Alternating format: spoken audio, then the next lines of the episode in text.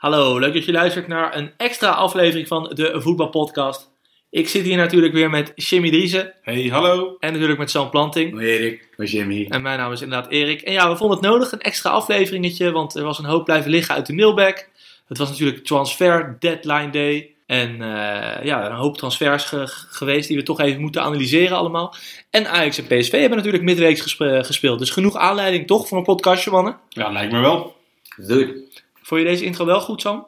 Goed gekeurd. Oké, we hebben er namelijk negen weggegooid, weet niemand. Maar eh, ja, het was iets anders dan normaal, dus eh, hij staat er gelukkig goed op. Gaan we maar even beginnen, want Ajax en PSV halen allebei de Champions League mannen. Top, toch? Ja, absoluut. Twee, eh, twee teams in de Champions League is jaren niet meer voorgekomen natuurlijk. Goed voor het Nederlandse voetbal? Goed voor Ajax en PSV. Goed voor Ajax en PSV, ja. En eh, de kloof naar de rest van de ploegen, ja, die wordt misschien wat groter. Tegelijkertijd, als Ajax en PSV meer geld hebben, gaan ze dat er ook uitgeven aan clubs in de Eredivisie. Dus het Nou, druppelt het geld niet naar beneden. Jimmy, volgens mij gaan we het hier, ga- gaat de voetbalpodcast binnen één minuut deze week over trickle-down economics. Ja, Ehm, ik vind het altijd een beetje moeilijk om... eh, eh, natuurlijk zal, zullen PSV en Ajax vaker de portemonnee trekken, binnenlands. eh, maar ook buitenlands. maar ook buitenlands al- als zij meer geld te besteden hebben.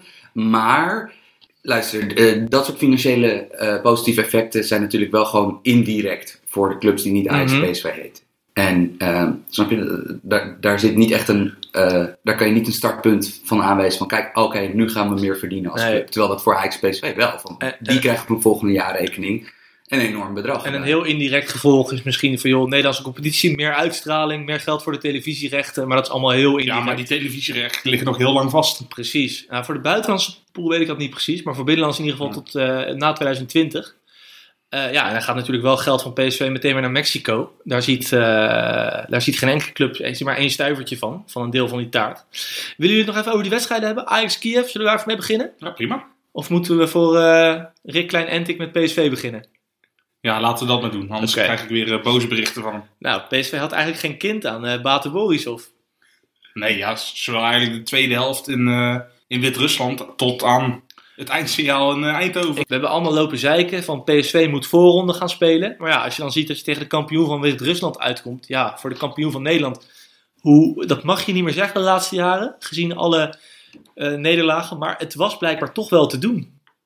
Ja, en ik weet niet of eh, PSV nou echt zo goed was of Bate Borisov eh, beter in onze gedachten was. Nou, een beetje, beetje van beide. Ja. Bedoel, dat, dat Borisov liet in die eerste wedstrijd zien dat in elk geval, als je heel eerlijk bent, was Bate tactisch de betere ploeg in die eerste wedstrijd. PSV creëerde enorm veel kansen in Wit-Rusland. Maar eh, eh, ja, eh, gewoon, sorry, maar Bates teamorganisatie was beter dan die van PSV. PSV terecht gewonnen. Ja, PSV zij- had wel echt een penalty nodig om in de wedstrijd te komen. ja, nee, ik bedoel, daarna natuurlijk terecht gewonnen en genoeg gecreëerd om, om aanspraak te maken op de overwinning. Maar ook in deze wedstrijd, waar PSV goed was en waarin Bergwijn en Lozano laten zien dat ze gewoon voor Eredivisie begrippen, ja, verschrikkelijk goede aanvallers zijn. Want, ja, ik bedoel, de individuele klassen spatteren natuurlijk wel eh, woensdag echt, echt wel een paar keer echt vanaf. En ook bij, eh, gewoon dat Lozano een paar acties had. En ook die bijvoorbeeld, eh, ook naast spectaculaire acties, een paar meeverdedigingsacties, dat ik dacht van, tering, wat een voetballer is dit toch? Ehm, maar bij PSV, ik zat met mijn vader te kijken en eh, die was op vakantie de weken ervoor. En ik zei tegen hem van, ja, let nou een keer op. Van PSV domineert deze wedstrijd, maar let nou een keer op hoe vaak er via het middenveld wordt aangevallen. Van hoe, hoe vaak er gewoon in de as van het veld even een man meer situatie wordt gecreëerd, iemand met zijn gezicht naar vijandelijk doel wordt aangespeeld. Heel weinig. Gewoon heel Ja, weinig. maar daar hebben ze behalve Pereiro de, de spelers tot voor kort er ook niet voor op het middenveld. Nee, ja, ik Ja, vind, dat is, dat is dus altijd de vraag. ik vind dat blok voor de verdediging, Hendricks, en dat was nu dan eh, Rosario, maar dan komt Gutierrez. Maar Hendricks Rosario vind ik wel echt, echt slecht gewoon. Nou, nee, Zeker op Champions. League niveau. Ja, oké, maar dit is, dit is een discussiepunt buiten de podcast tussen, tussen jou en mij. En volgens mij neigt Jimmy iets meer naar mijn kamp dan naar jouw kamp. Ehm, jij bent gewoon niet zo'n fan van het brekerstype op het middenveld, met Hendricks. En ik vind dat een... extreem waardevolle Ja, voetballer. en, en daarnaast vind ik het niet echt per se een breker, want hij kan ook echt gewoon wel voetballen. Ja, en het, ik denk... Weet je, en- Hendricks heeft vanaf zijn negen bij PSV gevoetbald, hè? Ja, Ik vind hem een heel duidelijk voorbeeld van waar het fout gaat in Nederland qua opleiden van, van middenvelders vooral. Ja. Dus een jongen die heeft... Maar hij, hij is helemaal geen middenvelder geweest in de jeugd, hè? Nee, oké, maar misschien hadden ze hem daar dan neer moeten zetten. Want hij kan nauwelijks ballen vooruit pasen. Met een man in zijn rug is het altijd terug. Ik zie, ja maar Als hij, nee, maar luister heel even. Dat is niet allemaal talent, hè. Je kan met zo'n mannetje vanaf zijn tiende beginnen met... hey, kijk eens over je schouder. Heb je ruimte? Probeer dan te maar draaien. hij maar geeft al- ook nog best wel wat steekpasen. en Ja, nee, maar en, en als een balafpakker aan alle technische voorwaarden van de middenvelder zou voldoen die jij eist, speelt hij niet bij PSV, dan Maar speelt hij bij bij PS. PSG... dat, dat, vind ik dus te ma- PSG. dat vind ik dus te makkelijk. Want ja, het Nederlandse voetbal is een stuk slechter geworden. En ik, ik ga nu naar een, een stuk een onderliggend probleem, wat we helemaal niet voorbereid hadden om te doen, maar wat we ook wel even maken van, zeker op het middenveld, dat is gewoon aan te leren, jongens. Je kan met middenvelders aan de slag gaan. Het is niet allemaal talent Nee, maar om te herkennen. behalve, ik denk dat jij en ik het gewoon... Ik denk dat je het, ga een keer bij een jeugdwedstrijd kijken. Al die problemen die jij nu noemt, van niet door het midden aanvallen en op de zijkant, eh, via de zijkant juist aanvallen en nooit de derde man in het midden. Dat, dat gebeurt al vanaf de F1 tot de E1, nou het heet tegenwoordig onder 11, helemaal door naar de A1. En als je daar wel op gaat trainen, dan word je daar toch beter in, of niet? Ja, maar bijvoorbeeld het vreemde is dus dat PSV heeft twee verdedigers die ik verdedigend niet vertrouw, Schwab en Viergever. Nou, Schwab is verdedigend toch niet heel slecht. Nou, ik vond hem vorig seizoen solide, maar... Maar we hadden het toch over de opleiding? Nee, maar... eh, eh, nee, even niet, even, niet- even niet flauw gaan doen. Even, Oh, oké. Ik bedoel, je weet, je weet dat er een punt aan zit te komen. Ehm, ze- je hebt twee verdedigers die in deze die een bovengemiddeld goede inspeelpaas hebben voor het niveau van PSV. Van, die, ik bedoel, van Bommel heeft duidelijk, en ook, eh, ik bedoel, daarom heeft hij denk ik ook Sainsbury erbij gehaald. Maar dus duidelijk waardeert hij eh, het inspelen, eh, de goed inspelende verdediger waardeert hij meer dan de, dan de traditionele tegenhoudende verdediger. En alsnog, want jij, jij ging meteen ook naar de spelers, van ja, die dubbel pivot, daar deugt niks van, van we leiden niet de juiste spelers op. Maar dit valt ook gewoon te corrigeren bij het eerste team. Van, als Ja, jij zeker, met goede coaching. dat, en het probleem is dus dat het is heel aanlokkelijk voor PSV om alles via de flank te doen. Omdat je namelijk gewoon uit twee uitstekende Twee backs... cheatcodes daar Nee, hebt. maar je hebt twee uitstekende backs ook nog eens gehaald. En je hebt die twee flankspelers. Maar ja, laten we eerlijk zijn. En een kopper als Luc de Jong ook. nog. Ja, maar... eh, Kijk, oh, kijk dat vind ik een ander punt eh, met, met Luc de Jong. Want kijk, daarin wijkt PSV af van de traditionele Nederlandse eh, ploeg. Dat zij gewoon altijd dat aanspeelpunt hebben. En dat zag je tegen Baten, dat werkt gewoon. Hè? Van, dat je zo nu en dan lang kan gaan. En dat, dat, en dat een lange bal niet meteen direct balverlies betekent. Doordat Luc gewoon hem echt vaak goed terug kan leggen. Dat is een enorm wapen. Maar ja, ik blijf er toch wel bij dat Bergwijn en Lozano... Ja, je zou ze echt kunnen laten ontketenen als je ze wat vaker via, via de as weet aan te spelen. Van, eh, Maar daar is Gutierrez nou toch voor gehaald. Ja, maar je bent het dus wel met me eens eigenlijk. Diep Nou. in je hart. ik ben het. Ik denk dat dit niet per se een jeugdprobleem is. Ik denk dat dit een opleidingsprobleem is. Want ik denk dat dit ook nog wel bij volwassene teams te corrigeren is. Zeker weten. Kijk, dan ga ik even een heel extreem voorbeeld eh, eh, geven. En dat is de beste coach ter wereld. Maar kijk wat Guardiola met spelers doet binnen die speelstijl. En dat is echt wel coachbaar, ook als je niet Guardiola heet. Ik vind Guardiola of Sarri er individueel bijhouden, eh, bijhalen. Dat vind ik. Dat moet je niet doen. Dat van, In, in de top is het altijd heel makkelijk je Ja. punt maken. Ja, nee, inderdaad. Ja, ik, in vind, ik iemand van de complete buitencategorie erbij halen om je punt te maken. eh, eh, eh, gewoon, nee. Nee, oké, die maar het zijn staat- niet voor niets trainers het- van buitencategorie. Het staat toch voorop dat je door coaching spelers beter kan maken? Dit gaan we niet te lang doen hoor trouwens, anders wordt het weer een hele lange Ja, maar nog steeds heeft een speler altijd zijn plafond nog natuurlijk. Nee, maar daarom ben En- ik het dus niet eens dat het in de jeugd Nee, maar- niet misgaat. Zo. Nee, maar wat je met Hendricks aangeeft vind ik ook gewoon een verkeerd eh, voorbeeld. Want dat is altijd gewoon een centrale verdediger geweest. Ja, ja, En- precies. En ze hadden nog verwacht dat hij nog een groei zou maken in zijn lichaamsbouw. Is Mhm. niet gebeurd. En Ja. toen is hij pas op het middenveld gekomen. Ja, Waar, Ja. hij, waar hij, juist met zijn verdedigende kwaliteiten, heel waardevol is. Want ja, wat had PSV dan moeten doen? Want ze hebben hem altijd gewoon als centrale verdediger gezien. ook in de jeugd? Ja, want daar stond hij. Mhm. Hij- Hij stond in alle Nederlandse elftal. Waar Mhm. was het eh, koppel was Bazoer, Hendricks achterin. Ja. Nou, Bazoer is nog zo'n voorbeeld trouwens. Ik zou graag... Lekker fysiek sterk achterin en je wint alle wedstrijden, dat is lekker. Hendricks was niet zo fysiek toen al, maar goed. Bazoer wel? Ja, die wel, maar, maar je zegt nou lekker fysiek alsof Bazoer in zijn eentje dat team droeg. Ik vind eh, dat we in Nederland te makkelijk zijn en daarmee sluiten we denk ik af. Tenzij jij nog wat wil zeggen, Sam. Nou, laten we, zeggen even, van ja, brug- laten we even we hebben geen creatieve middenvelders meer. We hebben geen creatieve middenvelders meer. Nee, goh, kijk eens hoe dat komt. Laten Ga eens, even- ga eens jeugdvoetbal kijken. Wat voor voetbal daar gespeeld wordt. Wat daar de coachpunten zijn. Laten we even het bruggetje maken naar, eh, naar de transferzomer van PSV. Als je, dat even, als je de eindrekening eh, eh, opmaakt, is dat gewoon echt een uitstekende aantal maanden geweest. Want ze zijn kampioen geworden met, met een redelijk volwassen ploeg. Nou, Arias kwijt, Brenet kwijt. Ik, hoe goed Arias ook was, ik weet niet zeker of ik het duo Arias-Brenet zou verkiezen boven het duo Dumfries-Angelino. Ja, je- Angelino is verdedigend wel echt nog zwak, hoor. Ja, maar hij is piepjong. ik denk Dus- dat je op rechts wat inlevert en op links wat erbij krijgt. Sch- Scheelt het... Hij is 21, denk ik nou. Ja, En Brenet is 23 of zo. Weet ik niet. Ja, nee, maar ja. En, en, eh, nou ja, ze hebben viergever er centraal achterin bij. Sainsbury misschien, dat weet je niet. Zoet is gebleven. Lozano is gebleven. Ja. Bergwijn is gebleven. Gaston is gebleven. Dat is allereerst, dat is de grootste winst. En ja, Gutierrez, ik heb hem twee, drie keer zien spelen in Mexico. Vind ik opvallend, vind ik, vind ik opvallend dat zo'n jongen naar de Eredivisie kan. Dus dat ook prima. Eh, ze hebben nu eh, een trainer die jeugd wat meer durft, de kans durft te geven. Dus in wezen krijg je ook uit die hoek opeens versterkingen. Als, als blijkt dat wanneer je Donjan Malen langer dan twee minuten laat invallen, dat het een vet goede speler is. Dus ja, ik denk dat over de hele PSV er sterker op is geworden dan vorig jaar. En iemand die daar een enorm compliment voor verdient is natuurlijk Toon Gerbrands. Trainer weg, technisch directeur weg. En er staat gewoon een ploeg die, eh, nou volgens Sam, maar volgens mij ook wel een beetje, gewoon eh, zijn niveau heeft behouden en misschien wel beter is geworden. Ja, alleen ja, je krijgt inderdaad wel een beetje van hoe, eh, hoe is Van Bommel in dat machtsvacuum gekomen. Ja, die Want- heeft eh, goed zijn zin doorgedrukt af en toe. Ja, maar goed, de belangrijkste transfer is een Gutierrez. Die is wel gewoon echt door, eh, door het beleid van PSV gehaald natuurlijk. En als hij echt eh, de kwaliteit heeft zoals eh, ze toegedicht worden, ja, is dit gewoon een hele goede transfer. En goed voor de Eredivisie, want het was niet leuk geweest als, eh, hoe heet het, als Ajax al heel vroeg kampioen was geworden. En als het nu echt een titelstrijd wordt, is dat wel leuk natuurlijk.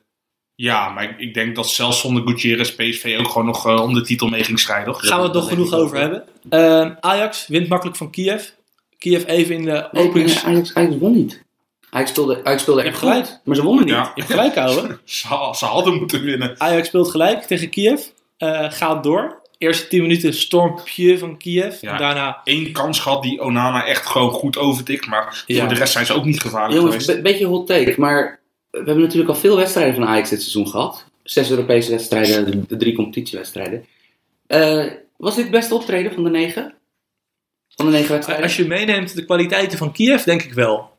Ik, bedoel, ja, ik vond, Ja, ik vond ja, ook over de volle 90 minuten wel, ja. Sturm Graz thuis was ook heel goed. Maar ja, zet Sturm Graz af tegen Kiev. En ik, En- ik denk ja. het wel, ja. Ik denk dat eh, wat, wat mij een beetje verraste, omdat ik, eh, ik begon me een beetje zorgen te maken over een paar optredens die hij had. Ik bedoel, het is nog steeds, eh, eh, ik heb over Frenkie de Jong. Eh, Alles goed, hè? hij was zo goed. En ehm, dat verraste mij enigszins, want ik vond, ik vond hem juist een, paar mindere wedstrijden afwerken waar hij te ingewikkeld de- deed aan de bal. En waar hij een beetje het spel vertraagde door op onnodige momenten in te dribbelen, op onnodige momenten een paar keer extra de bal te raken.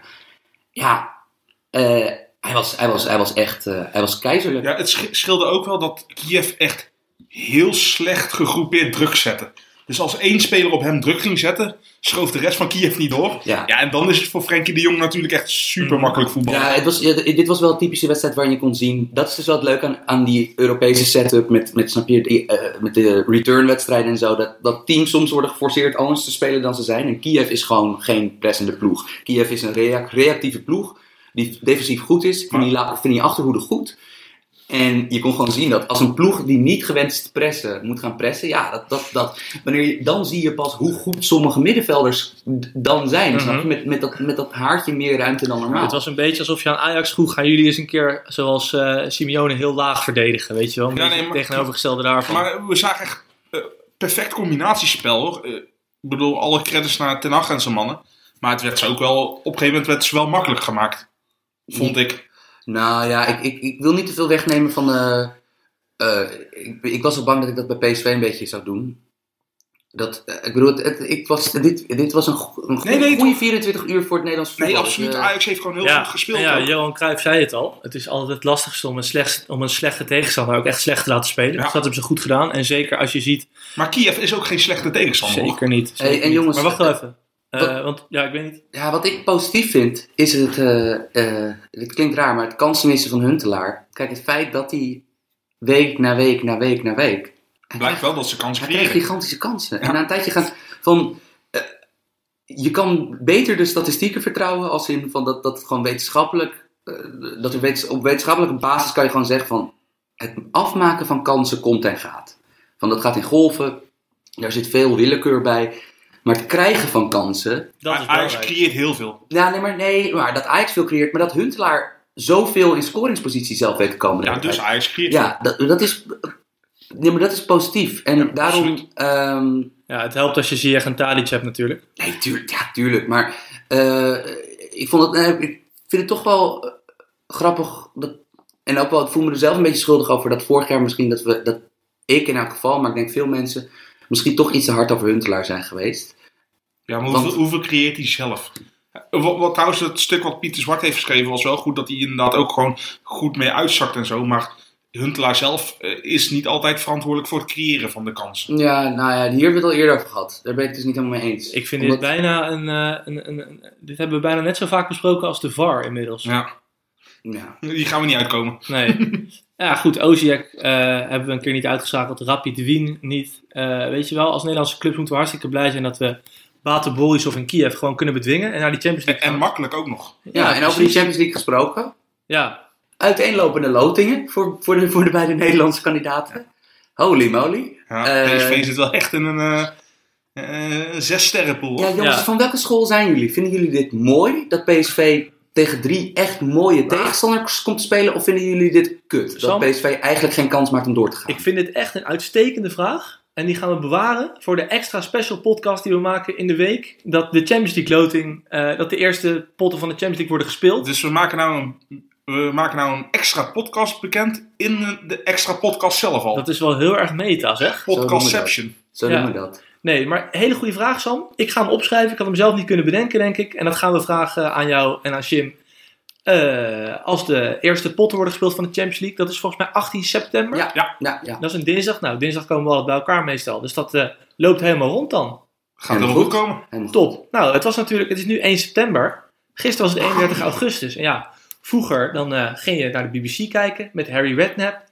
En eh, voor de mensen die het nooit hebben gezien, Sam, wat was er dan op de BBC? Ja, was de Deadline Countdown Show. En dan eh, moest altijd Harry Redknapp even nog... eh moest nog even gehoeid en gedeeld worden. Ja, Eh, Het was een show alsof er een, een, een ja, er stond rechts onderin stond het totale bedrag aan miljoenen wat was uitgegeven door alle clubs. En dat was een beetje zoals bij het goede doel, zeg maar. Ja, nou, het is een beetje... Ik denk dat ze ermee gestopt zijn, omdat dit... Omdat Harry Redknapp het niet meer doet. Dat allereerst. Eeuwige shout-out naar Harry Redknapp. Toch wel de... Kijk, aan de ene kant de belichaming van alles wat er fout is aan het moderne voetbal. Aan de andere kant een hilarische figuur. Zijn Ehm, tactiek bij de Spurs was geef de bal aan Modric. Modric, jij paast het naar Van der Vaart en dan gaan we winnen. Dat was de tactiek. Ja, en anders hebben we al nog ik vind, vier ik, coach. vind, ik vind op tactiek ingaan bij Harry Redknapp dat je hem al veel te serieus neemt. Volgens mij zijn er al 17 struikelblokken voordat je, voordat je bij dat punt komt. Eh, ik denk dat ze een beetje opgehouden zijn met die deadline shows, omdat het leek heel erg veel op van die eh, investeringsprogramma's in Amerika. Die er zeg maar waren voor de crisis. Van Big Money Jim Cramer. Dat hij zag Een soort Ponzi-scheme. ja, dat hij zo van Lehman Brothers, daar moet je nu, nu, nu, nu, nu alles in stoppen. Van, het begon een beetje in, eh, een tijd lang daarop te lijken. Je moet niet zo hard op tafel tikken. Eh, ja, nee, oké. Het sorry. is enthousiasme. Sorry Het luisteraars. is enthousiasme. Eh, We zijn heel enthousiast nog steeds over deze podcast.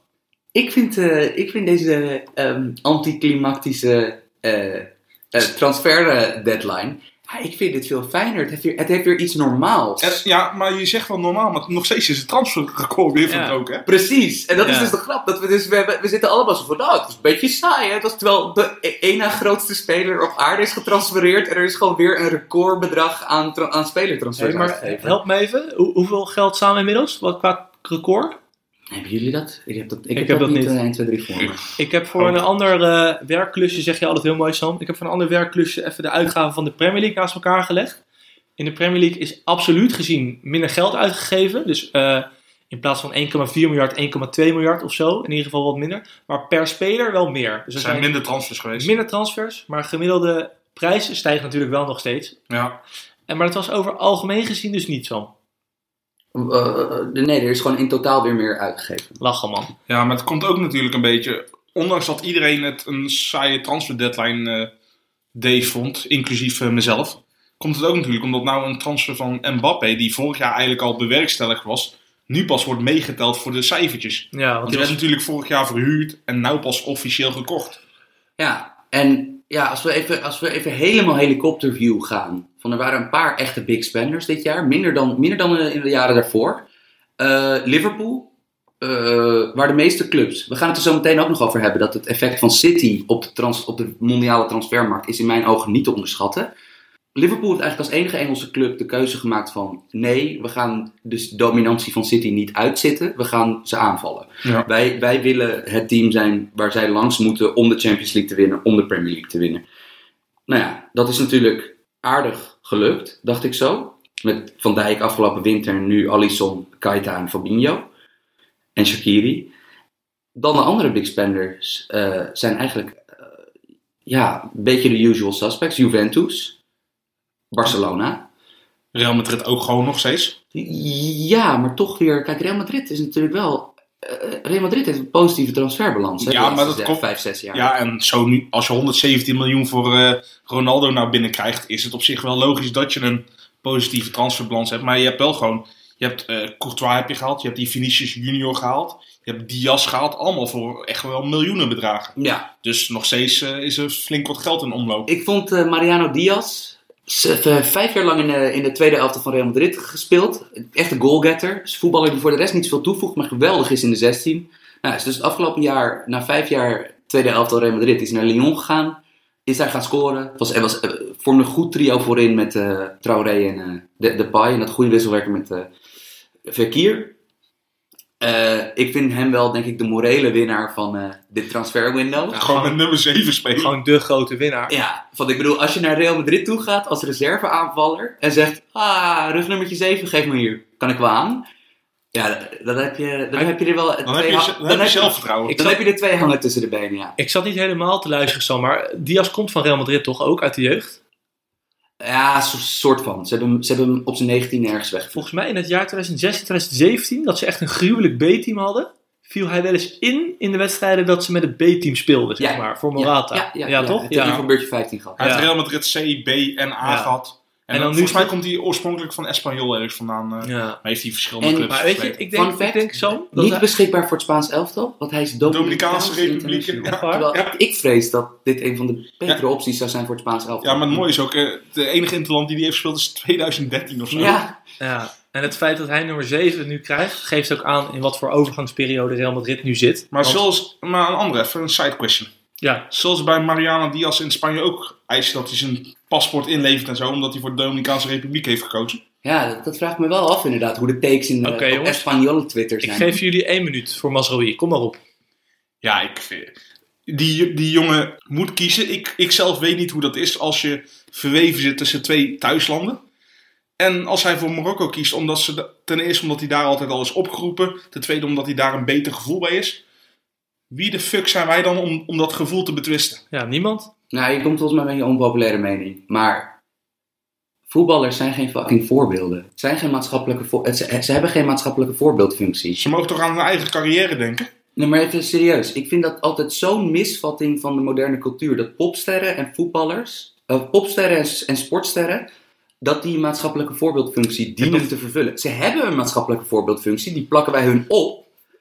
Maar het is niet het beroep waar dat aan verbonden is. Nee. En daarnaast, ik heb zoiets. Wie de, hoe de fuck weten wij hoe Moussaïr Masraoui's jeugd is? Wij weten niet hoe hij is behandeld. Wij weten niet of hij zich buitengesloten gevoeld in dit land of juist, of juist heeft En verwelkomd. ik vind dat ook helemaal niet ter zake doen, man. Ik vind, dat, ik vind dit een van die dingen waar we misschien met z'n allen gewoon geen mening over moeten hebben. Nee, maar goed, dat is nogal moeilijk in De Nederland. hè? enige die er een mening over moet hebben is degene waarover het gaat. Juist. Die moet het beslissen en dat moeten we En respecteren. zijn keuze weten we nu. En ik denk dat er heel veel mensen in Nederland heel hard zouden juichen als Marco Asensio Willemsen zegt: joh, ik was voor Nederland uitgekomen. Ja. Dan zouden we niet zeggen: oh, je bent in Spanje geboren en dit en dat. Dus het is allemaal eh, Relatief. relatief. Anderhalve minuut. Nou, toch goed gedaan. Zullen we even wat eh, transfertjes langslopen? Sommige wat langer dan de andere, sommige wat korter dan de Zullen we even in andere. Spanje blijven voor de chronologie? Promes naar Sevilla, die maakt toch wel even zijn transfer uit Rusland, hè? Ja, absoluut. En eh, hij is sowieso langer bij Spartak al gebleven dan dat verwacht werd. Ja, Want hij is natuurlijk eh, in 2017 is hij bekroond tot beste speler. Is hij kampioen geworden. En eigenlijk had hij toen al gehoopt die stap te maken. Ja, het, dat bleef even uit. het is moeilijk weg te komen uit Rusland om een paar redenen. Eh, grote clubs, als je goed bent, hè? zoals Ja. Quincy Promes, als je goed presteert. Het geld is goed, dus je het salaris geld is uitstekend. Dus het, Ja. het, het salaris wordt er misschien wat minder. Eh, 5 miljoen netto werd er genoemd, hè, bij- wat Promes in Moskou opstreek. Ja, dat is lekker. Ja. En eh, Russische clubs hebben niet per se heel veel goede spelers voortgebracht naar competities. Dat is ook altijd een dingetje.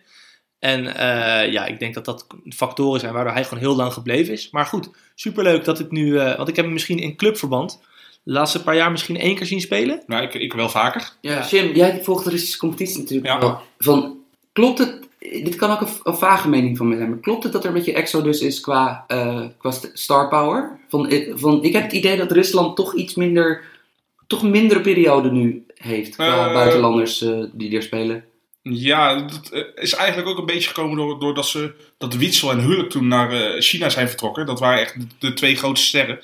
En dat Zenit heel erg op de Argentijnse tour is gegaan. Want eigenlijk Zenit, CSK, dat zijn eigenlijk de, de twee blikvangers. Spartak van oudsher wel echt de traditionele club. Maar eh, ja, Zenit heeft daar toen een heel hoop Brazilianen voor teruggehaald. En eh, Argentijnen. En ja, die hebben het toch niet zo goed gedaan. Maar ik denk nog steeds dat het qua star power... het zijn niet meer de gearriveerde sterren, maar meer de wat jongeren die even iets meer moeten opbouwen. En daardoor, doordat eh, CSK ook natuurlijk bijvoorbeeld het probleem heeft met een heel nieuwe verjongde ploeg, ja, zal het even tijd nodig hebben. En daarom heeft een Spartak en een Lokomotief de laatste jaren ineens succes kunnen hebben. Eh, Sam, eh, Sevilla's hele aanvallende trainer, Machin, spelen een soort 3-4-3. Ja, nog niet eens aanvallend, maar gewoon mo- modern. Van, ze spelen echt pressingvoetbal. Van, eh Machin, eh, de nieuwe trainer van Sevilla, was vorig jaar de trainer bij Girona. En Girona was gewoon een type club die tactisch zo goed, dat tactisch zo goed in elkaar zat. Dat je gewoon altijd als Spaanse ploeg, of je een goed of een slechte ploeg had, dat je kutmiddag tegen Girona had. Omdat namelijk gewoon, ja, rustig opbouwen is er niet bij. Eh, ja, en hij heeft dus eigenlijk nu eh, een beetje het model gevonden. Want het is dus een 3-4-3 of 3-4-2-1, hoe je het wil noemen. Spijtig genoeg Sergio Escudero, die toch een beetje de backup van Alba zou zijn bij Sp- Spanje als linksback. Die is afschuwelijk geblesseerd geraakt vorige week. Dat is helemaal zo, want Alba zit er nou niet bij. Precies, maar want die Escudero die leek dus een heel goed eh, eh, seizoen tegemoet te gaan op die, op die, op die linker wingback flank. Ehm, maar Sevilla heeft, eh, heeft, deze, heeft, een- echt een paar andere keuzes gemaakt. Vorig jaar hadden ze twee heel bewegelijke opties voor een centrumspits. Dat is Muriel en Ben Yedder. Ja, dat zijn kleine technische spitsen. Muriel is een beetje van de snelheid. ben Yedder moet je vooral de voeten aanspelen. Ze hebben dus nu André Silva, Portugese spits. Prima spits. Gehuurd van. AC Milan. Ja, geflopt bij AC Milan, maar fysieke, ja, echt, een een echt goede 16 meter spits. En die hebben ze als aanspeelpunt daarvoor in. En dan nu eh, met Promes eh, en Sarabia heb je twee ja, echt uitstekende spelers om daar omheen te spelen. Dus ja, eh, zou mij, zou mij echt niks verbazen als Promes een 15, 15 goals, 10 assists seizoen tegemoot gaat. Echt niet. Nou, leuk om te zien. eh Promes dichter bij huis gaan voetballen. Kunnen we allemaal gaan kijken op Ziggo. De andere Oranje International die een transfer heeft gemaakt is Kevin Strootman. Geen idee of hij nog basisspeler is onder Koeman. Maar hij heeft in ieder geval... eh, Maar die hebben we al besproken. Zit bij de selectie? aangesproken. inderdaad. Dus als je dat wil luisteren, seizoen 2, aflevering 9. Een Gewoon de beetje, vorige podcast. beetje op het eind. Gewoon De vorige podcast ja, degene inderdaad. die hieronder staat op Soundcloud. Ja, maar misschien luisteren mensen Of, of iTunes. of iTunes of jouw favoriete podcast app. Geen idee hoe dat er allemaal uitziet. Gaan we even naar Nederland. Je hoeft niet over alles een hele lange analyse te geven, maar gaan we even kort. Anita naar Willem II. Ik vind het superleuk. Ja, leuk. Absoluut. Ik bedoel, eh, ik heb toch altijd nog de Anita van Ajax van de laatste eh, kampioenschappen in mijn hoofd natuurlijk toen. Ja, Toen was hij geweldig natuurlijk. En ja, voor de rest is hij in Engeland natuurlijk wel geflopt bij eh, Newcastle en uiteindelijk bij Leeds. Ja, en dat hij bij Leeds eh, weinig zou spelen was natuurlijk verwacht. Want Bielsa is daar naartoe gekomen. Die heeft zijn eigen spelers eh, blik opengetrokken daar. had Anita wel in gepast, denk ik. Jawel, dat wel. Maar voor hem is het goed om gewoon opnieuw te beginnen. Ik heb één opmerking en één vraag. De op- opmerking is: feestenherkenning in Tilburg. Usbiel is terug naar de Eredivisie gehaald. Anita, Afdijay is weer een jaartje hier. Helemaal leuk. Gewoon, ploeg Maar- die wij, wij hebben Willem II voorbeschouwd, terwijl eigenlijk dit hele blik spelers nog niet wel We opengetrokken. hebben ze echt keihard onderschat. Keihard onderschat, sorry. sorry. Nee, niet op dat moment. Oké, oké. Maar mijn vraag is: eh, was er ergens een spaarpotje over in Tilburg? Dit- klinkt allemaal een beetje als, als, als, als een zomer die best wel wat centjes heeft gekost. Misschien is er een ondernemer uit de regio opgestaan. Ja, of, of ja. En Anita komt op huurbasis, dus misschien hoeven ze niet eens de hele, de hele salaris te betalen. Laat in de window ook dat Leeds ook denkt van nou, pakken we misschien nog 80% van het salaris zijn in ieder geval 20% zijn wel af of zo, zoiets. Ja. Dus, leuk om even in te duiken. maar inderdaad, het, het, ja, ik, ik weet het antwoord er niet op. Ik hashtag, ken, ik ken de onderzoeks, gegevens eh, niet. hashtag onderzoeksjournalistiek.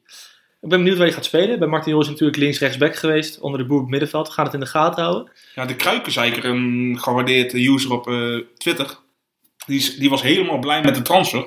Maar die vroeg zich ook af, ja, van waar op het middenveld moet hij gaan spelen? Ja, En dat zegt eigenlijk best wel genoeg over de situatie als, iemand waarin als, Willem II nou verkeert. als iemand als de kruikenzeiker dat zegt, moet je dat natuurlijk heel serieus nemen. Absoluut. Eh, we hebben nog Gutierrez naar PSV. Hebben we al een beetje besproken, hè? Ja, Gewoon voor die plek op het middenveld. ik vind het wel een beetje creepy dat online mensen een speler die ze nog niet hebben zien spelen nu al Guti gaan noemen. Want ik heb altijd zoiets van even roeig met de bijnaam. Nou ja, Lozano is ook al gelijk. Chucky was ook alweer gelijk zo. Ja, ja, maar ik vind toch dat iemand. Ik vind dat we een grens. Dat we met z'n allen moeten afspreken dat er een grens van het aantal minuten is voordat iemand een bijnaam verdient. Oké. Oké. En wat is die grens dan? Weet ik niet. Maar ik ga ook niet onbewezen vragen of jullie mij Thundercat Nou gaan ja, ik heb het hardst gelachen. De cat. Ik heb het hardst gelachen op het WK om de machtige kuifarend van Giljan als Ja. bijnaam van Shakiri. Dus een beetje, een beetje lenig zijn met bijnamen, Sam. Kan je nog een beetje lachen. ADN Haag, goede zaken gedaan. Die hadden een rechtsback en een spits nodig. Vorig jaar natuurlijk Eboué, wat een van de betere rechtsbacks van de Eredivisie was in mijn ogen. Zo. Naar Benfica gegaan. Ja. En eh, ja, natuurlijk Bjorn Johnson, ook uitgebreid besproken al in deze podcast, naar AZ. Halen terug Thomas Neetschit en Giovanni Troepé. Uh, Neetschit volgens mij koop, Troepé huur uit mijn hoofd. Ja, ik vind goede transfers. Troepé vond ik bij Utrecht een uitstekende back. Heeft daar pech met Kleiber en Van der Marel. En, en gaat een beetje naar een vergelijkbare club natuurlijk. Ja, ik denk dat hij daar goed past. Ik eh, vind dat we wel heel snel Thomas Nussiet een goede spits noemen. Oké, Voor, voor Nederlandse competitie heeft hij het toch gewoon steeds goed gedaan. interlandje of 40 voor Tsjechië. Ik ben niet kapot. Oké, gaan we in de gaten houden. Dit is Maar was je dat wel van Johnson? Ja. Van? ADO, nee. die Van vond jij in Noorwegen goed voetballen. Nee, ja, precies. Maar eh, nee, ik vond die bij ADO vorig seizoen wel echt iets toevoegen. Dus, dus we zullen zien. Eh, ik krijg graag mijn ongelijk bewezen. Samaka naar PEC? Of hoe spreek je het echt goed uit, Sam? Eh, ja, maar... Scamacha. Eh, jij kent hem niet zo goed, hè? Nee, ik ken hem niet. dat is een wel, primeur, jongens. Ja, het is, een, het is een boomlange spits. Dat was hij al in de jeugd van AS Roma, was hij dat al. Toen is hij naar PSV gegaan. Ja, dat was eigenlijk de, het nieuwe talent voor PSV. En het was ook echt een gigantisch talent. Eh, ja, als ik zo mag zeggen, een beetje af en toe kortsluiting in zijn hoofd. Maar voor een lange voetballer is hij vrij technisch nog. Eh, is toen naar Sassuolo gegaan, maar heeft het daar ook nog niet waar kunnen maken. Maar goed, het is een jonge jongen. Dus Binnen hoeveel, binnen hoeveel weken wordt, er, wordt hij op televisie of radio vergeleken de nieuwe met, eh? Met Graziano Pelle. Oh, ja, maar Pelle is wel een mooiere man. Dus Oh, wat dat betreft, Oh, ik, eh, ik heb geen foto van de ja. gast gezien. Ik, weet niet, ik, ging, ik ging er bij Italiaanse man toch al vanuit dat hij een, eh Maar een bij- looker zou zijn. Bij Peck gaat, ik denk gewoon dat hij het goed gaat doen. Samaka, als je luistert, Jimmy vindt je lelijk. Eh, Sparta haalt nog even van Kati Dabo van Chelsea op huur. Ja, dus Oké. zullen ze vooral bij Fine. Vitesse blij zijn dat ze hem niet meer krijgen. Ja, ze spelen met vijf achterin. Daar voor de hele rechterkant Dabo. Lekker rennen, vliegen. Ja, een beetje compenseren voor Roya Two-Faces eh, op de andere flank. Vitesse haalt twee spelers op huur. Moussonda en Odegaard. Nou, Ja. Odegaard kennen we allemaal. Is gewoon een heel goede transfer. Of huur althans. Moussonda, jongens. Vertel de luisteraars daar eens wat over. Ja, Ray, tamelijk oneindig getalenteerde voetballer. Eh, schijnt moeilijk te zijn. Heeft ook tot nu toe eh, het verhuren van hem eh, door Chelsea en allemaal clubs eh, gaat moeizaam. Het, eh, Nou, bij- bij Betis, bij Celtic. ja, Dus eigenlijk ligt het waarschijnlijk aan de groen-witte shirtjes. Misschien wel. Ja, En in dat geval, nou ja, geel-zwart gaat toch, is toch wel weer een heel, heel andere kant op. Ehm, wel zo'n voetballer waar je door de flitsen die hij wel vertoont, dat je denkt van wow. Van als, de, als deze gast het op een rijtje krijgt, en al helemaal in een competitie als Nederland, waar we zeg maar verdedigend, snap je, nog wel, nog wel, dat er nog wel iets te halen is voor aanvallers. Even, het is een buitenspeler, hè? Nee, eh, ja, het is ding is gewoon eh, eh, eh, favori- het liefst op links, maar kan ook op rechts een team. is redelijk tweebenig ook. Ja, ja. Wat ik bij hem echt heb, het is echt een, een low risk, high reward, eh, zeg maar. Je verwacht er weinig van, maar zijn plafond ligt zo... Nou, ik denk, dat, ik denk toch wel dat de Nee. jongens die hem wel eens hebben zien spelen en dan, van, je, zou toch wel iets mogen verwachten van hem. Maar Ja, uit- maar anders zit je ook niet bij Vitesse. Eerlijk waar, toch?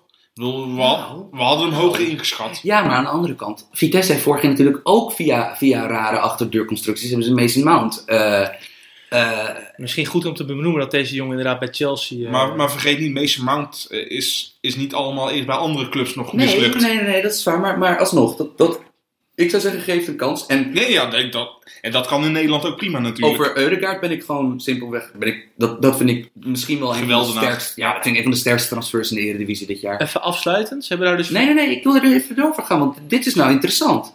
Ja, maar, ja, maar luister, dit, als er nou één transferploeg is, van, dit is interessant. Van, Vitesse heeft wel echt, een, eh, het is duidelijk dat de intenties van derde worden serieus zijn. Want ze hadden namelijk al ze redelijk aardig gestart. Nou, Jimmy en ik waren erg te spreken over Bero. Eh, die voorhoede Linse, eh uh, Linse Matas Berens oogde goed. En dan haal je er nu twee echt heel goede voetballers bij voor Eredivisie. Voor, voor een subtopper hebben ze een, voorin een vrij brede selectie. Achterin ben ik nog niet zo kapot van. Maar voorin is het wel... Nee. Clark Salter. Ja, ik, ik, eh, ze missen Kasia toch wel heel erg, vind ik nog. Oké, nou ik, ik, ik, ik zou zeggen, onderschat Vitesse niet. Oh nee, maar dat doe, dat doe ik ook niet. Want volgens mij heb ik ze hoger ingeschat dan AZ. Dus dan kan je niet meer van onderschatten Nee, dat is bespreken. Oké, dat is mooi. En dan wil ik graag even naar de hele transferwindow van FC Utrecht toe. Want daar zijn mensen heel enthousiast over. Over veel voetballers die ik niet zo goed ken. Misschien jullie wel. Maar ik zal het even opnoemen. Die hebben we nu gehaald in één window. Gustafsson, Joris van Overheem, Leon Gouwara, Otman Boussaïd, Emil Bergström, Nicolas Gavory, Oussama Tanane, Timo Letschert en Jean-Christophe Bahabek. Iedereen is er super enthousiast over, maar ik zie er ook heel veel gokjes tussen zitten, jongens. En laten we ook niet vergeten dat Utrecht zijn drie beste voetballers kwijt is van vorig seizoen. Klieg, Ayoub, Labiat. Ja. Gewoon echt by far je drie beste voetballers. Ja, Nee, maar ik, ik heb het gevoel dat we deze transfers nou echt... eh, hoe- de tendens een beetje is, ook onder Utrechtenaren, wat heel be- begrijpelijk is, dat we ze nou echt gaan beoordelen op hoe ze in het best kunnen zijn. precies dat. Ja. Letchert bijvoorbeeld. Ja. Nauwelijks wedstrijd. Ja, welke legend krijg je En ik begrijp, ik begrijp bijvoorbeeld wel dat wanneer die Bout- Boutaïb ziet eh, debuteren, dat je daar enthousiast van wordt. Want dat is natuurlijk wel voor een club als Utrecht, die toch gewoon de vierde, vijfde club van Nederland is. Van, als je dan zo'n jongen opeens binnenkrijgt, dat je denkt, oh, Ja. hallo. Maar toch zijn er vaak heel veel spelers heel goed gedebuteerd en Ja. ja, Maar goed, ik weet dat wij best wel wat Utrecht-luisteraars hebben. Kom maar op met die meningen op Twitter. Hashtag voetbalpodcast. Ik ben heel benieuwd. Ik vind Letchert een gokje. Baabek vind ik een gokje. Ja, en welk systeem blijven we 4-4-2 eruit eh, spelen? Want in dat geval heb je dan heel veel aanvallers. Ja, nee, kom maar op met die meningen. En eh, ja, we lezen alles. Want zoveel tweets zijn het nog niet. Dus En, eh, eh, kom maar op. En daarnaast natuurlijk die lange, Makinok. Makinok is... Ja, die is natuurlijk ook een soort van nieuwe transfer. Ja. Ja. Ja, luister. eh, Kijk, of hij kan voetballen, dat is nog de vraag. Even kijken of hij een keer een paar kansen erin kan schieten. Maar hij is natuurlijk wel... eh, dat is nou een lastig, lastig te bespelen Ja, aanvaller. Makinok is eigenlijk eh, hoe ik altijd... Ik speel wel eens eh, op de PlayStation UFC. Dan mag je ook je eigen mannetje maken. En dan maak ik hem altijd als Makinok. Super lang, helemaal vol met tatoeages. Echt een straatvechter. ja. En hij is super populair bij het publiek. Ja, ook, geweldig, toch? nog. Tuurlijk. Dus, eh, Leuk. Dat is alleen maar mooi. Feyenoord, nog eventjes meepakken. Ja, we hebben niet echt transfers te bespreken van ze. En dat is juist bizar. Want ze hebben, ze hebben nog wel spelers verkocht. Boetjes naar Mainz en eh Amrabat naar Club Brugge. Ja, en eh, op Twitter had eh, de Feyenoord-user. Plevla, nou sowieso, dat zullen, die, de Feyenoord-fans zullen hem, die online zich be- begeven, zullen hem wel kennen. Had een goed, eh, eh, had een goed overzichtje gemaakt. En daar, daarin bleek toch dat Feyenoord, ja, op de, in deze transferzomer hebben ze 6,5 miljoen verlies gedraaid op zelf aangekochte spelers. En dat terwijl er nog op een ja, tamelijk verrassende wijze opeens nog winst werd geboekt op Boetius. Eh, dat- snap je dat, dat er echt nog een bedragje werd gebeurd eh, Ja, het scheelt dat Boetjes is gekomen en dus weer een langdurig contract heeft getekend. ja, scheelt maar dat. Mainz, dat Mainz dit bedrag echt nog voor hem durft te neerleggen, vond ik, vind ik een gok. Casino Club. Eh, ja, dat Feyenoord, ja, ik zou hier, als ik me in, indenk in, in, in, de, in de psyche van de Feyenoord-fan, ik zou het echt een kutzomer vinden. Want PSV en Ajax zijn er beter op geworden. Ja, je Ajax hebt, in elk geval, PSV minimaal gelijk maar gebleven. kijk, je hebt redelijk wat geld binnengekregen uit de Champions League. En je haalt Klaasie. Nou, oké. Gaat meteen in de basis. Dat komt wel goed. Ook al mist hij in het begin wat Ja, wedstrijd. maar die huur je ook, hè? Uh-huh. Je haalt Ayoub. Wat een gokje is. Transfervrij. Hè, subtop naar de top. Oké, gaan we zien. Joris Delle, reservekeeper. En Sinisterra. Wat een, een ja, kan supergoed worden. Maar Ja. ik heb er nog weinig van gezien. We gaan... Maar het is niet dat je zegt van we kopen kwaliteit voor in de basis en die staan er meteen. Nee, en, en vooral, je adresseert niet helemaal de problemen die er zijn met je team. Van wat zijn nou de problemen? Nou kijk, op, op die linksbuitenpositie, daar zijn we allemaal niet over uit. Van, ik denk dat Larsson nog altijd heel erg goed kan zijn. Ja, maar daarachter hebben ze ook niks meer. Daarachter hebben ze ook nu ni- niks meer. Maar, en ik ben ook een beetje bang dat hij gewoon. ehm, dat de druk, de druk kan, om bij Feyenoord te slagen kan zo groot worden. Dus in dat opzicht maak ik me wel zorgen. En je, hebt, je je kan altijd dan nog een tijd lang met Toornstra hangend op links gaan spelen. Ehm, maar zeg maar de structurele problemen. Dat deze ploeg gewoon opbouwend voorspelbaar is. En vooral verdedigend zo kwetsbaar. In, bij omschakelingsmomenten dat als een aanval enige snelheid over enige aanval, als een aanvalslinie over enige snelheid beschikt, kan je deze ploeg het zo verschrikkelijk moeilijk maken. En ik had verwacht bijvoorbeeld na Feyenoord Ajax het afgelopen jaar, waarin Ajax in het laatste half uur echt leefde eh, achter de laatste linie van Feyenoord. Van oh oké, van dit, is, dit, dit is als we laten terugdenken het moment dat Feyenoord dacht van oké, daar de centraal achterin moet het op de schop. We moeten echt even snap je, een solide basis voor het team. Maar het probleem is, je hebt vijf jongens die daar eigenlijk willen spelen en ook verwachten te spelen. En ik ben er niet over uit of één van die vijf jongens goed is. Ik denk eerlijk gezegd dan nog dat ik Tapia eh, het meest vertrouw. En die speelt op dit moment Sint-Just niet. Nou, dat weet ik niet. Tapia staat wel Zidaans te maken in zijn eigen verdediging hè, in de Champions League. Ja, ja oké. oké, oké, maar aan de andere kant... eh, Voor de neutrale kijkers hartstikke leuk. Heb ik ook wel eens gedaan, maar heb je het over reserve tweede klasse. Ja, dan kan het nog. Niet als je het in de Champions ja, League jij doet. bent ook wel een heel flamboyante voetballer. Dus, Ja, ehm, ik, ik vind Feyenoord, ja, ik vind het een beetje balen. Want, eh, en ook... eh, Het is echt een top 2 nou Ja, in en Nederland. ik bedoel, het, eh, eh, dit, wordt dus weer, dit lijkt dus weer een seizoen te worden dat die beker enorm belangrijk wordt. Want, nou Ja, het, gaat, het probleem is, winnen ze die beker, dan gaat het weer allemaal maskeren. Ze, Ja. ze, ze zijn gewoon nalatig geweest na het kampioenschap om juist de pijnpunten aan te pakken. ja en, en, en als je het trouwens wil hebben over de rol van statistiek, die die zou kunnen spelen in de toekomst bij de voetballerij, van als een club, als het normaler wordt dat, een, dat clubs echt luisteren naar een data-analyst, want de meeste clubs hebben gewoon data-analysten, wat dan ook.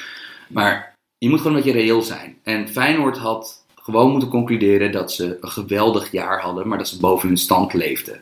Van dat ze, ze presteerden optimaal dat jaar. Van be- een beter resultaat dan in het kamp. Snap je? Eigenlijk elke wedstrijd verliep ideaal eh, naar sco- eh, eh, via scoreverloop. Ja. En ja, daar hebben ze gewoon, dat heeft ze toch een beetje zand in de ogen gestrooid. En dan ja, bekertje pakken, JC-schaal pakken, prima. Maar Feyenoord-fans verwachten meer. Van je, gaat, je, je gaat week na week na week, zit je in het stadion, je betaalt veel geld voor die plekken. Je, snap je, je leeft, mee, je leeft met, je, met je hebben en houden mee met die club. en je zit gewoon naar Bart Nieuwkoop te kijken. En je zit naar Bart Nieuwkoop te kijken. En je ziet, en je ziet Bottekin en eh, Van der Heijden. Zie je, zie je, ja, zie, je, eh, eh, hoe heet dat ook weer? Dat 7 tegen 7 voetbal. Walking voetbal. ja, walking voetbal spelen. Dat, ja, eh, Ja. moeilijk. Ja, nou goed. Ik, ik hoop dat het geen cri- cri- crisisjaar wordt. Maar het, heeft een beetje de contouren ervan. Kijk AZ, kijk Vitesse, kijk Utrecht. Ja, het kan wel Daarom. gewoon dat ze er zomaar opeens uit gaan vallen. En ik denk dat je dan echt de pop aan dansen hebt. Ja, Goed. Sluiten we het blokje Nederland even af. Eh, ja, nog een paar leuke transfers uit het buitenland. Ook even gewoon snel en kort. Virgil Misijan. Eh, Ja, naar Nuremberg. naar- ja, Sam begint scootergeluiden te maken. En dat is geheel terecht. Want die man kan harder rennen dan ik, harder rennen dan ik op mijn scooter kan rijden. Eh, hij gaat naar de Bundesliga. Leuk toch? Paul Verhaag maak je borst nat. Dat, Ja, wordt, dat wordt een middagje achter eh, nummer 93 gaan luister. Ik roep even iets heel geks. Die jongen gaat het goed doen in de Bundesliga misschien. Nederlands elftal? Nou ja, kijk, je hebt Kluivert en Bergwijn. Die zijn jong, die zijn goed. Stel, die zijn echt tegen geblesseerd. nee, nee, dan heb je altijd nog eens uh, eerst Berghuis nog natuurlijk. Nee, dit was wel echt een hele hete take. Maar leuk voor die gozer. Ja. Jan Leuk. kennen we nog van, eh, van de Eredivisie. En hopelijk gaat hij het goed doen. Nasser Chatli van de West Brom naar Monaco. Nou, vond ik wel redelijk verrassend. Eh, Free Chatley is eindelijk... eh, dat is eindelijk... eh, Zo'n speler hoort niet in de championship te spelen. Nee, en hoe hij hoort sowieso niet bij West Bromwich Albion te spelen. Jezus, hé. Eh, leuk, Monaco, sowieso. Als je, als je houdt van transferpatronen bestuderen. Monaco. Wel, wel een oude speler voor Monaco. Ja, ik bedoel, door- doorgaans is hun gemiddelde aankoop is meestal 17, 18 jaar oud. Eh, maar ja, ik denk dus ook, ik denk dat ze naar aanleiding van de seizoenstart, waar ze met- met heel jonge ploegen weer het veld op kwamen. En dat het, snap je, het is weer een compleet gerenoveerde ploeg. Beetje een reactieve transfer, een beetje ervaring halen. Samen Op met- internet Samen met Gliek en Falcao moet hij nou een beetje de ervaring brengen. Precies, en, en nou ja, ze hadden dus nog, eh, ja, Lamar is weg. En dus ze hadden nog een creatieveling nodig. Ronnie Lopez is daar nu de grote man op dit moment. Goeie speler trouwens, echt goede speler. En eh, ja, ik denk dat Chatley, Chatley is, een winger die, die natuurlijk echt wel echt goed scoort en, Ja. en productief is. En eh, Monaco heeft nog altijd die speelstijl met dat eh, creatieve spelers veel in de 16 worden aangespeeld. Met, gaat, met van, lage eh, voorzetten. hij gaat van de Championship naar de Champions League, dus dat heeft hij goed voor elkaar. Eh, Ja, nu- zo, iemand heeft de NOS-app op zijn telefoon. Oh ja? Ja, dat was ook dat was Was een, dat daar de kop? een kop. Jij denkt nog niet dat ik eh, de NOS ga lezen? Hey, hey, hey, stay woke. Ik sluit het niet uit. Nou, als er bij één site in Nederland meer uit te halen is, is het nos.nl slash sport. Maar goed. Ehm Nouri Sahin naar Werder Bremen van Borussia Dortmund. Gaat samen met, Noe- met, gaat samen met Davy Klaassen voetballen. Dortmund, eh, eh, echt ongelooflijk hè. Dat eh, het middenveld bij Dortmund dit seizoen wordt dus Delaney en Witsel als controleurs, Dahoud als team. Dan de, de jongens die er dus buiten de boot vallen. Kagawa, Gutsen, Kagawa, Gutsen, Weigel, de creatievelingen. En dan eigenlijk de creatiefste van allemaal, Sahin. die mag weg. Ja, Nou, het is toch leuk dat hij wel weer gaat voetballen. ja, en ook Werder Bremen. Eh Werder Bremen low-key, heel leuk ploeg. Ja, maar die halen zoals ze het altijd zo mooi neemt, spelers met een krasje nu. Spelers met een krasje. Ze hebben Claudio Pizarro. Nou, het was geweldig. Op de eerste speeldag dat hij weer in Bremen mocht voetballen. Allereerst heel erg een power move dat een 40-jarige Pizarro met nummer 4 als spits rondloopt. En Nwanko Kanu deed dat al, hè? Ja, maar eh, ik denk dat Werder Bremen, Werder Bremen een heel leuk ploeg. David Klaas zit, zit daar goed. Milot Rashica zit daar goed. Ja. Shaheen eh, kan daar de grote architect worden, maar bij Shaheen is het altijd hetzelfde verhaal. Ja, dat is inderdaad eh, altijd de vraag bij Sahin. Eh, lieve luisteraar, ik moet nu weg. Eh, onvoorziene omstandigheden. Jimmy maakt de podcast af als presentator. Ik heb hem een paar tips gegeven, dus dat moet vast goed komen.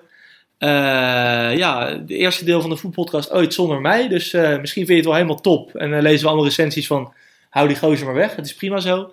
Ik ga er vandoor. Veel plezier met Sam en Jimmy verder. En eh, tot maandag. Ja, dan hebben we Duitsland wel een beetje gehad met Sahin. En dan gaan we nou eigenlijk eh, ja, naar een competitie die we nog niet heel erg belicht hebben. Frankrijk, maar waar toch wel wat grote transfers nog eh, plaatsvonden, Sam. Ja, dat eh, Olympique Lyon, en, nou, dus de eerder genoemde Mariano Diaz, daar is toch opeens een spits kwijt. Vervanger gehaald. Ja, eh, groot talent. Moussa Dembele. Niet die Moussa Dembele. Nee, niet die van de Spurs, nee. Maar toch een van de grotere spitstalenten in Frankrijk. Die, ja, een beetje vreemd genoeg, tot wasdom is gekomen bij Celtic. En in een competitie waar toch, nou laten we zeggen dat dat wel een beetje de prehistorische voetbalcompetitie ja van hiervoor Europa bij is. Fulham nog gezeten. Precies, maar bij Celtic wel echt een goede spits. En ook eentje die dus, ondanks dat hij helemaal niet in dat botte bijlvoetballer paste, want het is een technische, snelle spits, eh, gewoon wel echt uitblonk.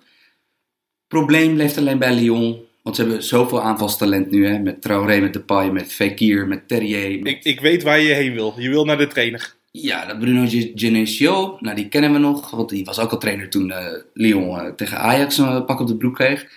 Ja, die had er gewoon, dat is gewoon een, eh, dat, is geen, dat is geen toptrainer. En eh, eh, dat is toch wel een beetje zonde, want ik, ja, eh, ik vrees dat Lyon de aangewezen ploeg was om dan nog enigszins het gat met... Maar die zijn al vrij wisselvallig begonnen natuurlijk. ja, dus dan, ik bedoel, ik denk dat de titelrace in Frankrijk weer, zoals we ondertussen wel een beetje gewend zijn, behalve dan met dat Monaco. De one-horse race gaat worden. one horse race gaat worden. En over dat ene paard gesproken, PSG, aparte transferzomer. Ja, ja, is de hand van Tuchel al te zien? Ja, wel een beetje, want natuurlijk, kijk, ehm, ik raakte helemaal hyped eh, dat ze laatst, helaas was het een, gewoon een walkover wedstrijd weer. Maar Tuchel gaat dus met drie centrale verdedigers spelen bij Paris Saint-Germain. En dat heeft, hij, dat heeft Erik mij verteld. Dat, dat heeft hij in allemaal interviews altijd geroepen van... Mijn favoriete speelsysteem is 3-4-3 of 3-4-2-1, hoe je het wil noemen. Van, en bij Dortmund en bij Mainz had hij niet echt de spelers daarvoor om dat te doen. Daar vertrouw, vertrouw Ja, en hij- bij PSG heb je in principe ongelimiteerd eh, Ja. budget. En bij mij de... viel het kwartje, precies. Wat, wat, omdat je dus, bij mij viel het kwartje pas toen ze Tilo Kerer, centrale verdediger van Schalke, haalde. Ook iemand die, ehm, ja, wij kennen hem in Nederland als eh, de Schalke rechtsback die helemaal werd weggespeeld door Younes in Amsterdam toen, in die eh, kwartfinale. Maar het is een uitstekende centrale verdediger. eh, in een, in een drie, drie centrale verdedigingssysteem in Schalke. En toen PSG die jongen haalde, toen pas viel bij mij het kwartje van... Oh, ze gaan dit systeem spelen. Want ze hebben veel Ja. te veel goede centrale verdedigers. Om er maar elke keer twee op te stellen. Je hebt Kim Pembe, je hebt Thiago Silva, je hebt Marquinhos. En nou ja, laatst was dus het voor het eerst een 3-4-3 bij Paris Saint-Germain. Met eh, achterin eh Kerer, Thiago Silva, Kim Pembe. Marquinhos naar voren geschoven als zes. Als, op als middenveld. middenvelder, ja. En dan eh, op de flanken Meunier en Di Maria. Ja, dat, dat is natuurlijk, dat kan als dat echt begint te lopen in balbezit. Maar, maar het is ook wel heerlijk voor Tuchel. Eh, Die, die heeft qua selectie zo'n sterk team. Dat hij dit gewoon kan experimenteren binnen de League 1. Zonder dat het gevolg heeft. Precies, en daarom. En kijk, je moet iets doen wat dus... Elk, elk jaar is tot nu toe net iets misgegaan. Je had natuurlijk de Bar Barça remontada. Eh, nou ja, afgelopen seizoen had je eh, Dani Alves die een, count, die van Real inleidde... waar eigenlijk het boek meteen weer gesloten werd eh, in de achtste finale. Ehm, maar het is natuurlijk Paris Saint-Germain moet één deze jaren de Champions League gaan winnen. Van je kan, als je met miljard, miljarden strooit, moeten er ook, snap je, passende prijzen bij gehaald worden. En ja, permanent kampioen worden in League 1 is na een tijdje, geloven de fans ook wel. Dat gezegd hebbende, als je toch de Ronaldo-transfer in het achterhoofd houdt. Paris Saint-Germain heeft nu de beste voorhoede ter wereld. Ja, en eh, je, je zegt het heel mooi. eh, als ze met geld gesme- gesmeten hebben. Eh, ja, klopt wel vanwege de Mbappé-transfer natuurlijk. Omdat die nou pas ingaat. Maar voor de rest, ja, kijk, Keren was natuurlijk niet goedkoop.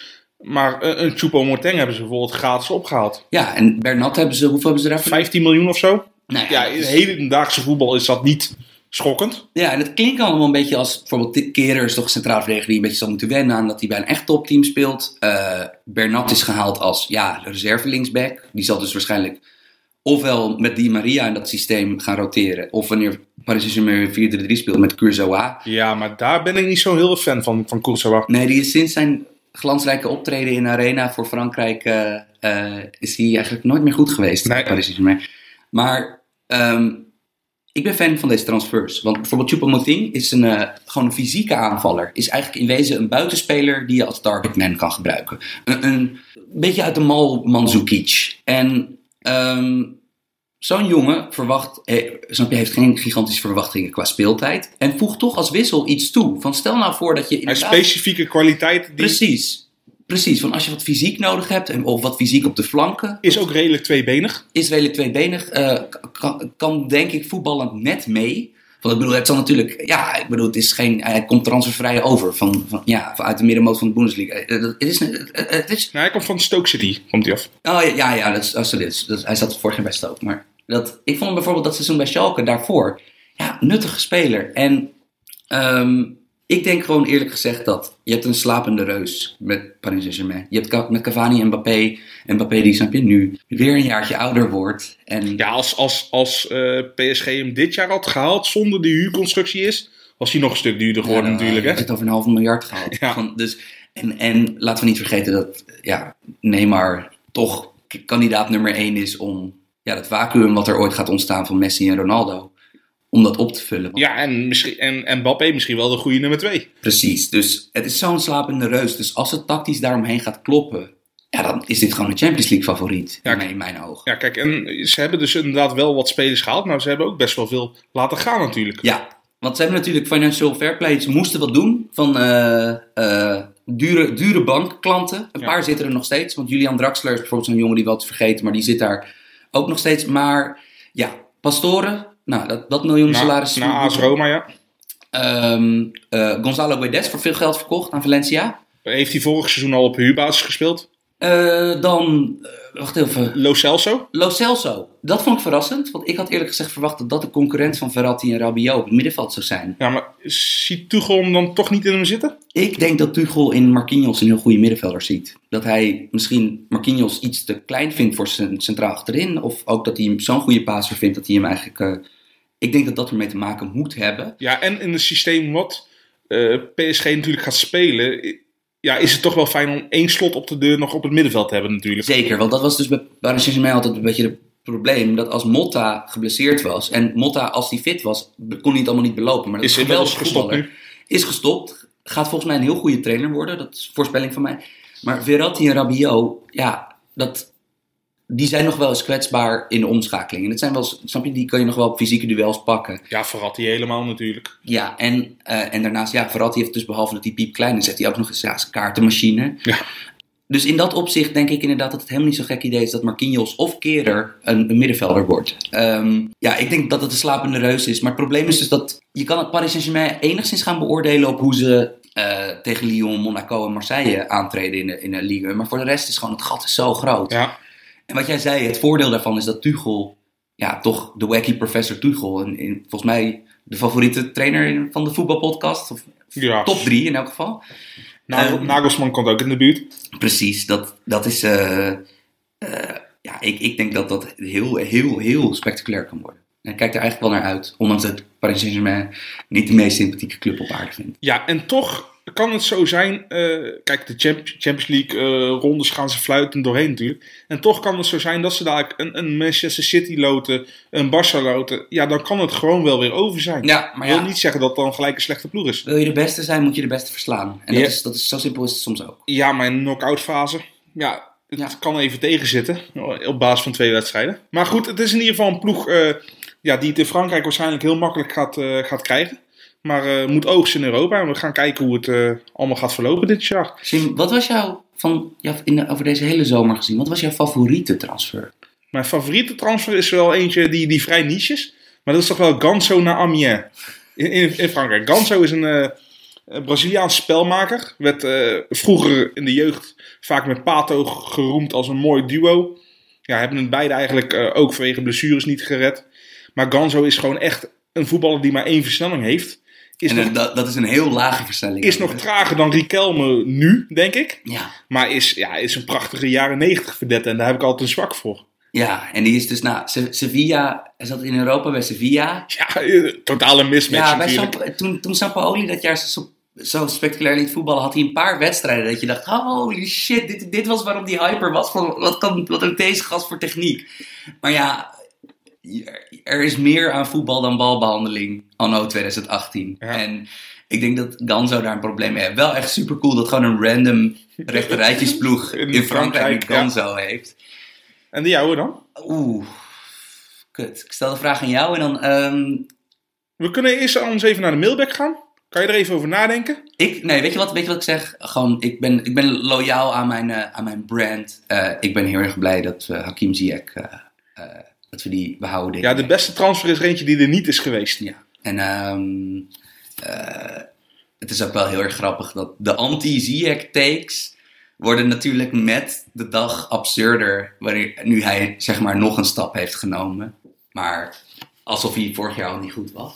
Ehm, ja, dat, nou, daar ben ik wel blij om. Dat ik, hem nog een, eh, dat ik hem nog een jaartje of een halfjaartje tenminste van dichtbij kan meemaken. Nou, ik hoop in ieder geval dat, dat meer mensen blij zijn dat Ziyech blijft.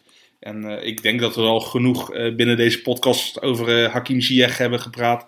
En iedereen weet onderhand onze mening, maar leuk dat hij nog in Nederland blijft in ieder geval. Nou goed, dan gaan we naar de mailback toe. Nou, we hebben natuurlijk afgelopen week hebben we al een podcast opgenomen. Toen ja, liep het allemaal even anders dan, dan verwacht, dus gaan we het nou gewoon doen. Dus de vragen die toen stonden blijven nog steeds staan. Misschien zijn sommige niet meer actueel, die halen we er even uit. Dus sorry als we je vraag niet be- be- behandelen. Maar eh, we proberen eraan om de volgende keer gewoon weer eh, de mailback binnen de reguliere uitzending te doen. Ja, en eh, blijf vooral de hashtag voetbalpodcast gebruiken. Ja. Dat, dan vinden we je het makkelijkst. Maar mailen, appen, noem maar maar op. Noem het hele riedeltje wat Erik elke week afspeelt maar op. Blijf, la- laat ze komen jongens. We vinden de participatie echt ha- gewoon hartverwarmend. Dus, wat mij trouwens zelf opvalt is dat we vaak Ajax-gerelateerde vragen zien. Vinden wij hartstikke leuk natuurlijk. Maar wat diversiteit, jongens, schrik niet als wij alleen maar Ajax-vragen binnenkrijgen. Stuur je eigen vragen op. ja, Over je eigen club, je eigen speler, eh, derde divisie, onderbond. eh, maakt niet uit. precies. Wees creatief. Want ik weet natuurlijk, Jimmy wordt natuurlijk, jij wordt natuurlijk met Ajax geassocieerd, omdat je Ja. veel over Ajax tweet. Ik ben een journalist die in Amsterdam werkt en ook voor het Parool werkt. Dus, dus eh, ja, ik snap dat we. Jullie snappen volgens mij ook dat wij soms dus ook de, dat, dat we zelf, onszelf al in de hand moeten hebben, niet veel voor Ajax te laten gaan. Want dat is ook landelijk natuurlijk ook een dingetje. Nu is het natuurlijk ook wel een van de twee clubs met grootste fanschades. Maar inderdaad, dus da- daarom gaan we misschien een paar Ajax-vragen eh, kort behandelen of niet behandelen nu. Nou, de eerste vraag is van T-Bone. Als Dolberg straks weer fit is, ja, wie moet er dan in de spits staan? Klaas-Jan Huntelaar of Dolberg? Een beetje de eeuwige discussie. om de beurt, denk ik. Tot, totdat een van de twee, als een van de twee echt, eh, eh, ja, sorry. Ja, we, begonnen deze podcast met een discussie over Huntelaar en het- tegen het einde aan kunnen we hem weer hebben, maar we kunnen ook gewoon wel zeggen van ja, Huntelaar mist wat kansen, maar Ja, maar Dolberg moet eerst fit zien te blijven. Dolberg moet eerst fit zien te blijven. En als we de Dolberg van, eh, eh, van het bosseizoen terugkrijgen, dat zou Ajax de dimensie geven die het nog mist voorin. Dat is namelijk naast Neres iemand anders met diepgang. Maar dat moet hij eerst bewijzen. Ja, En het is heel simpel. Dolberg heeft krankzinnig veel talent. Maar we hebben al eerder voetballers, eh, snap je, jonge voetballers heel snel zien komen en dan toch niet fit kunnen blijven. En dat is Ja. heel tragisch. Dus eh, laten we alsjeblieft... hopen- Fischer bijvoorbeeld. Ja, en Victor Fischer. Al denk ik wel dat Dolberg inherent meer talent heeft. Intrinsiek. Ja, en beter in, in het, als we over hokjes mogen denken, het systeem past. Ja, ja. Een beetje een verlengde vraag van Paul Sluis was daarvan of, of er nog iemand aangetrokken moest worden. Nou goed, dat, ja, de transfer deadline is inmiddels is hij al voorbij, dus Ajax heeft niks Eh, en wat aangetrokken. was, wat was het talking point behalve dat eh, Ten Hag weg moest? Hé hey, jongens, weet, weten jullie nog? Dat drie weken geleden dat er bepaalde kranten en, eh, en eh, sites Ten Hag aan het wegschrijven waren? Shout-out naar jullie. Shout-out naar jullie. Totaal niet opportun. Eh, wat is het andere talking point? Dat is natuurlijk dat op bepaalde plekken bij Ajax is het redelijk vol. Is het dringen geblazen. Dat Donny, moest, Donny van der Beek moest een paar wedstrijden op de bank zitten. Karel Eiting, eh, elke keer als hij meespeelt, is die dusdanig goed dat je denkt, oef, die zou eigenlijk een basisplaats moeten hebben. Zometeen krijgen we de, hele- het vraagstuk of Donny van der Beek in de basis moet spelen grote wedstrijden of Neres. Op die derde aanvallende positie naast Tadic en eh, Ziyech. En ik heb het idee dat je daar niet nog iemand in de mix moet gooien. Nee. Eh, en als ze al iemand hadden moeten halen, dan, dan zou ik een soort Anastasiou-transfer eh, tijdelijk toejuichen. Maar werkt die shit ooit, Jim? Want ik, Nee. ik, weet het niet. Ik, Nee. Wanneer werkt het dat Ajax, Feyenoord of PSV een targetman voor op de bank haalt die... Nou ja, natuurlijk Graziano Pelle werd opeens een wereldspits. Ja, en Luc de Jong doet het ook wel aardig, maar die is natuurlijk wel gewoon voor de basis. nee, Daar ja, hang je je spel aan op. Ja, nee, veel poen aan het... Van, eh, ik, ik, de Anastasio-transfer zie ik nooit zo werken. Ehm, want bijvoorbeeld, ja, ook Huntelaar heeft uiteindelijk een veel grotere rol gekregen dan aanvankelijk werd gedacht toen hij werd gehaald. Ja, tegen wil en dank. Maar eh, uiteindelijk moeten we toch nog steeds wel blij zijn met hem, denk ik. Ja, dat, ehm, dus nee, ik zou zeggen, en ook PSV, eh hetzelfde verhaal. Van, eh, ik zou zeggen, een te volle selectie is ook niet goed. Nee, nee, want dan krijg je weer allemaal kikkers die gaan springen en zo. En dat, Ja. dat moet je niet En willen. Feyenoord hebben we al uitgebreid besproken. Dus, Ja. De volgende vraag, afsluitende vraag, is van Lord of the Winds. Die vraagt wanneer de Spurs, Tottenham Hotspur, met 3 at the back spelen en wanneer met 4. Wat is een beetje die, die systematiek in de tactische keuze van eh Pochettino? Nou, wat wel grappig was, is dat volgens mij is dat Lord of the Winds goed op te letten. Afgelopen weekend, eh, of afgelopen maandag, was dat eh, United, Man United Spurs. De Mourinho het driegebaarwedstrijd. Ehm en de analisten bij Zero Sport, sorry, het was Ruud Gullit en, en de commentator, die benoemde de hele tijd dat Tottenham met vier verdedigers speelde in plaats van drie. En nou ja, dat klopt niet helemaal, want Tottenham, ik heb even teruggekeken, de afgelopen 40 Premier League speelden ze 30 keer met vier verdedigers en maar 10 keer met drie verdedigers. Eh, maar ik vrees dat ik weet waardoor. Eh, ze speelden toevallig de week voor United speelden ze met drie verdedigers. Ehm, zijn een paar dingen. Eh, je kan allereerst tegen bepaalde ploegen die 4-4-2 spelen en dan ook die enigszins proberen te pressen. En bijvoorbeeld dit seizoen zal Bournemouth bijvoorbeeld eh, heel vaak een 4-4-2 hanteren. Eh kom zo meteen nog wel een paar. Bij twee, met twee pressende spitsen gaan ze, zullen ze vaak in balbezit met drie centrale verdedigers spelen. En dat kan dus met ofwel dat je dus Sanchez, Alderwereld, Vertongen gebruikt of met Dyer ertussenin. Eh defensief gezien heeft het meestal te maken met wat voor pressing varianten Tottenham hanteert. Want Maar als ik je zo hoor, heeft het dan meer met de tegenstander van Spurs te maken of hoe Spurs op dat moment zelf wil spelen? zelf, zelf. Want eh, Pochettino is geen reactief trainer. Po- Pochettino is echt iemand die... eh, Zelf het initiatief wil nemen. Ja, ja, en ook zeker met die. Bijvoorbeeld Spurs. Spurs hun press eh, gaat wel vaak volgens dezelfde principes. Van de basisprincipes ten, ten grondslag ervan. ehm, maar ze zijn daar redelijk veelzijdig in. En bijvoorbeeld dit seizoen hebben ze vrij vaak nu. Zet, ze zetten nu heel vaak zetten ze met Lucas Moura druk. En krijgt bijvoorbeeld Alli, die eigenlijk vorig seizoen altijd naast Kane kwam om als tweede persoon druk te zetten op de opbouw van de tegenstander. Die krijgt nu veel meer verantwoordelijkheid en mag als middenvelder eh, ook vaker verdedigend optreden. Dus als ik het goed begrijp, heeft zelfs de wisselwerking tussen hoe Tottenham achterin speelt, heeft zijn wisselwerking op het middenveld. Ja, en ook heel simpel dat Alderwereld is natuurlijk... Wanneer Alderwereld of Sanchez niet fit is, dan spelen ze altijd met, dan spelen ze met vier. eh, en ook, de, gewoon het is simpel, de, een x-aantal poppetjes bij Spurs moet gewoon speeltijd krijgen. En wanneer Son terug is van de Aziatische Spelen, ja, Son kan je niet, is geen speler die drie wedstrijden op de bank kan houden. Lucas Moura doet het trouwens uitstekend als vervanger. Ik heb een beetje spijt van dat ik er altijd wat kritisch op ben, want het is natuurlijk wel gewoon een intrinsiek getalenteerde voetballer. Ehm, Wel, maar het geeft ook vaak genoeg niet thuis natuurlijk. Het is een beetje een, een coin flip van, eh, ja, gaat het iets worden of helemaal niets? Ja, en ik denk dus dat eh, zo'n ploeg als Spurs, dat dat gewoon, daar zie je dus dat niet de formatie heilig is, maar de principes. En ja, bijvoorbeeld als Son zo meteen terug is, zullen we weer veel, veel meer vierverdedigingssystemen zien. Omdat eh, je simpelweg dan met drie aanvallende spelers rondom Kane wil spelen Ja. En E- Eriksen en Ellie die spelen natuurlijk altijd. Die zijn wereldklasse. Eh, dus dat, dat heeft ermee van doen. Maar het heeft dus te maken met de, hoe de tegenstander druk zet. Eh, dat heeft te maken met hoe ze opbouwend zullen staan. En dus ook de manier hoe ze ze willen opvangen. Want in grotere wedstrijden eh, zie ik Spurs dit seizoen bijvoorbeeld wel weer vaker met drie, drie verdedigers aantreden.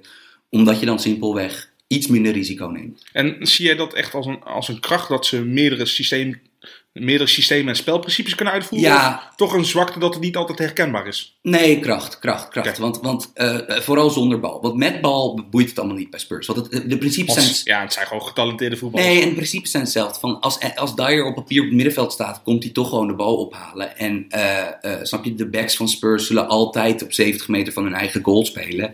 Omdat simpelweg, omdat je ook gewoon die, de creatievelingen in de as van het veld wil hebben.